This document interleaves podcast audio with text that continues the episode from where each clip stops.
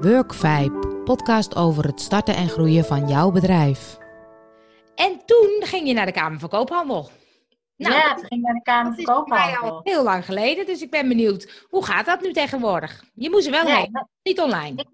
Nee, want dat vragen dan heel veel mensen. Van, oh, dat is zeker gewoon even online. En, uh, maar dat is niet zo. Ik moest van tevoren, moest ik me een, een soort van voorinschrijving doen.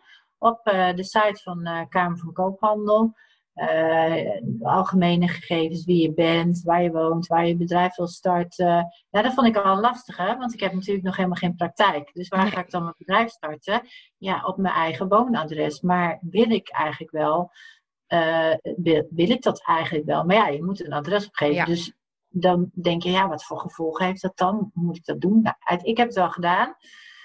Um, uh, even kijken, wat moest je, je nog meer invullen? Nou, dan moet je gaan zeggen wat je activiteit is, wat je wil gaan doen. Nou, dat is, was bij mij eigenlijk gewoon één zinnetje. Dat is, dat is uh, hè, rouw- en verliestherapie geven aan, aan, aan, mensen. En um, uiteindelijk zijn dat de belangrijkste dingen. En dan, dan moet je daar uh, moet je een afspraak maken. Dat uh, gaat allemaal gewoon met je inschrijving, maak je een afspraak en dan moet je er naartoe. En ik, ik, ik, ik vond het best wel spannend een beetje dat je daar en naartoe je moest een website hebben al. Ja, dat, dat was is dus ook bijzonder. Ja. Je moest een website hebben. En dan vraag ik me achteraf af, hebben ze daar überhaupt naar gekeken? Maar oh, dat weet wel, je niet. Oké. Okay. Ja, dat weet ik niet. Ik moest wel vooraf opgeven wat mijn domeinnaam was. En ik moest bedenken wat mijn domeinnaam was en wat mijn handelsnaam was. Dat waren nog twee verschillende oh, ja. dingen. Ja. Je domeinnaam is dus echt je website. En ja. daar kan je er tien van hebben. Tien verschillende domeinnamen. Maar wat is dan je handelsnaam? Nou, daar kon ik ook wel over nadenken. Moet ik dan uh, praktijk voor rouw en verlies? Uh, nee, want dat is het algemeen. Dat heeft iedereen. Uh, ja. Iemand die ik ken, die had uh, daarachteraan de naam van de plaats neergezet. Ik dacht, nee, wil ik ook niet. Ik wil ja. niet verbonden zijn aan een plaats. Ja. en toen, dus ik ging eigenlijk daar naartoe en toen dacht ik, ik weet eigenlijk nog niet zo goed hoe ik het wil gaan noemen. En nou, ik had het ook met verschillende mensen erover. En iedereen zegt weer iets anders. Hè? Dat is dat ook nog eens een keertje dat je al die meningen van mensen allemaal goed bedoeld, maar volgens mij moet ik gewoon vooral luisteren naar wat ik zelf denk dat goed is. En toen kwam ik bij de Kamer van Koophandel en ik had een hele leuke vrouw tegenover me. En uh, heel erg, die was heel erg geïnteresseerd in, in het werk wat ik ga doen. En toen zei ik, ja, wat, wat, wat is nou handig hè, voor de handelsnaam? En toen zei ze, nou, uh, stilstaan bij verlies, dat is toch, daar hoef je verder niks aan toe te voegen. Mensen weten precies wat het is. Stilstaan bij verlies, is, dat is eigenlijk wat je gaat doen. Lijkt Ja. me heel duidelijk. En toen dacht ik, ja, dit is dus eigenlijk wat ik ook het liefst zou willen. Ja. Ik wil eigenlijk gewoon stilstaan bij verlies. En da- Ja. daarbij betekent daaronder, hè, van, eh, het is een rouw- en, verlies, eh, rouw- en verliestherapie. Praktijk voor rouw- en verliestherapie. Ja. En ehm, dan gaat eh, die mevrouw, die ging dan kijken onder welke code ik zou Oh ja. moeten vallen.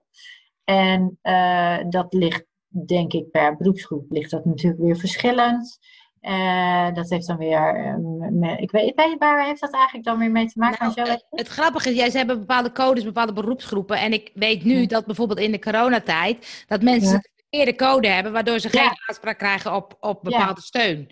Dus het zijn bepaalde groepen die zeggen, oké, dat is allemaal horeca, dus die krijgen allemaal steun. En als je dan net zeg maar iets anders bent, want je bent hotel, want dan misschien niet, weet je. Dus da- daar hebben die codes met je, ja, de beroepsgroepen. En ook qua telling denk ik dat ze weten hoeveel. en wat. En, en, wat, er, wat er gebeurt, want ik ben natuurlijk afgestudeerd met, met, met meerdere.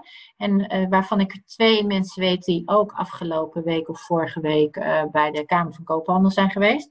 En die hadden eentje, die heeft zelf niet nagedacht over de code en die kreeg dus deze code. Ja, De ander die had wel nagedacht over de code en die wist dat voor de beroepsregistratie, hè, dus ik moet me zo Oh, meteen ja. ook gaan registreren als therapeut, Ja. heb je een bepaalde code nodig. ja, precies. En die medewerker van de Kamer van Koophandel, die zei, nee, dat is niet jouw code. Dus die wilde eigenlijk die code niet aan haar Oh. geven. Die wilde een andere code geven.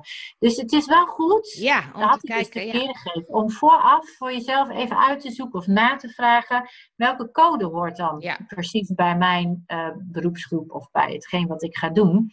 Nou, Eh, zeker als je dus eh, eh, bij een beroepsgroep aangesloten bent en ook voor de verzekering voor mensen belangrijk is, dan moet je dus de goede code hebben. Ja. En bij, mij, bij mij was het niet zo. En deze vrouw vroeg aan mij van, nou, dan moet ik even kijken welke code eronder valt. Zei ik, nou, ik zei, ik weet welke code het is. Dus deze code, die heb ik daarvan nodig. Oh, nou, dat was prima. Dus zij Oh, ja. vulde die code in.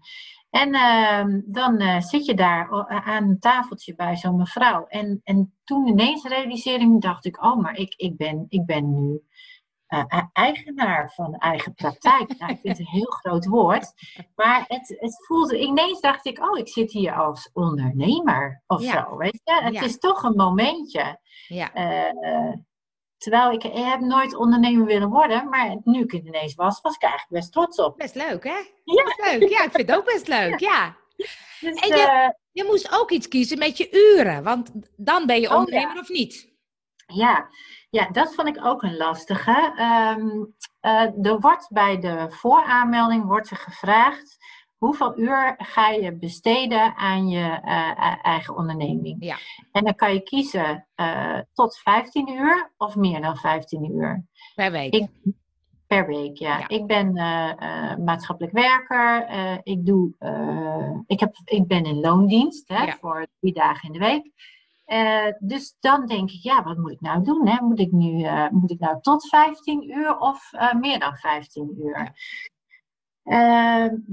Ja. Ehm, want dat is volgens mij weer voor de belasting belangrijk, hè, Marcel? Ja. Anders ben je geen ondernemer. Als je minder dan Dan 15 ben uur je ben je... geen ondernemer. Ja. En ik, eh, ik had, had het dus ook eh, met, met medestudenten van de opleiding over. Als je gaat starten met zo'n eigen eh, bedrijf, dan je moet ze zoveel dingen doen. Ja. Je komt al heel snel over die 15 Ja. uur in de week. eh, want je zit eens een keer aan je website. Je doet, eh, je, nou ja, het is on- ongelooflijk veel dingen eh, die je eh, eh, doet. Dus ik dacht, ja, het is gewoon meer dan 15 uur per week. Maar wat wel belangrijk is, is dat ik voor mezelf bij moet gaan houden. Ja. Ehm, hoeveel, en, en hoeveel uur ik dus per week besteed aan stilstaan bij verlies. Ja. Maar daarin moet ik dan ook een soort specificatie geven. Dus Ja. ik kan niet zeggen, ja, ik, ik heb 15 uur, eh, zelfs 16 uur heb ik gewerkt aan stilstaan bij verlies. Want als de Belastingdienst komt, dat klopt toch, hè? Als de Belastingdienst komt en die vraagt ernaar, moet je kunnen laten zien, aantonen, Ja. wat je in die tijd allemaal gedaan hebt. Je hebt een, eh, eh, een registratieplicht, dus je kan dan via Excel dit bijhouden. Ik heb tegenwoordig een nieuwe tool, keeping.nl. Dus keeping, is, eh, ja, dat is Engels woord keeping, dus, dus Ja, K, eh, ja, keeping.nl. En daar kun je dus een aantal taken invullen, zoveel als je wil.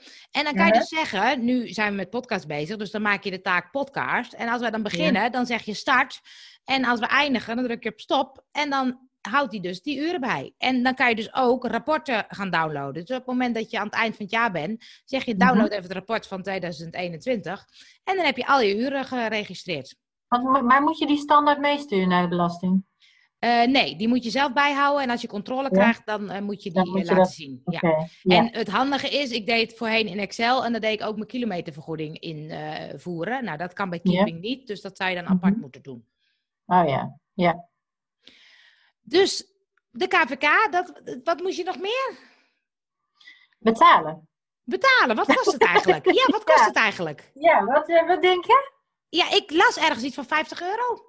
Ja, het is 51 euro zoveel. Oké. Eh, en eh, je kan eh, ook nog eens een keer op gemerkt briefpapier een uitdraai krijgen. En dat kost dan Oh, ja. weer extra geld. En, Heb je niet gedaan, hè? Als je het wil inlijsten, nee, heb ik niet Nee. gedaan. En, Nee. Maar ik dacht, ik, ik ben er wel zo dat ik zeg, oh, vertel eens, wat is dat dan? En wat moet ik daar, Ah, hoezo? ja. En dat, maar toen dacht ik, nou, dat is onzin natuurlijk. Dus gewoon, daar ga ik niet. dat En je niet kan. Je kan op zich, want ik heb toevallig laatst weer een wijziging gedaan, want ik had ook nog todoocafé.nl, dat- die, die website bestaat niet meer. Dus dan kun je online wel een wijziging toevoegen en dan krijg je weer een nieuw briefje. Dit is nu je uittreksels. Dus je, je staat niet voor altijd vast. eh.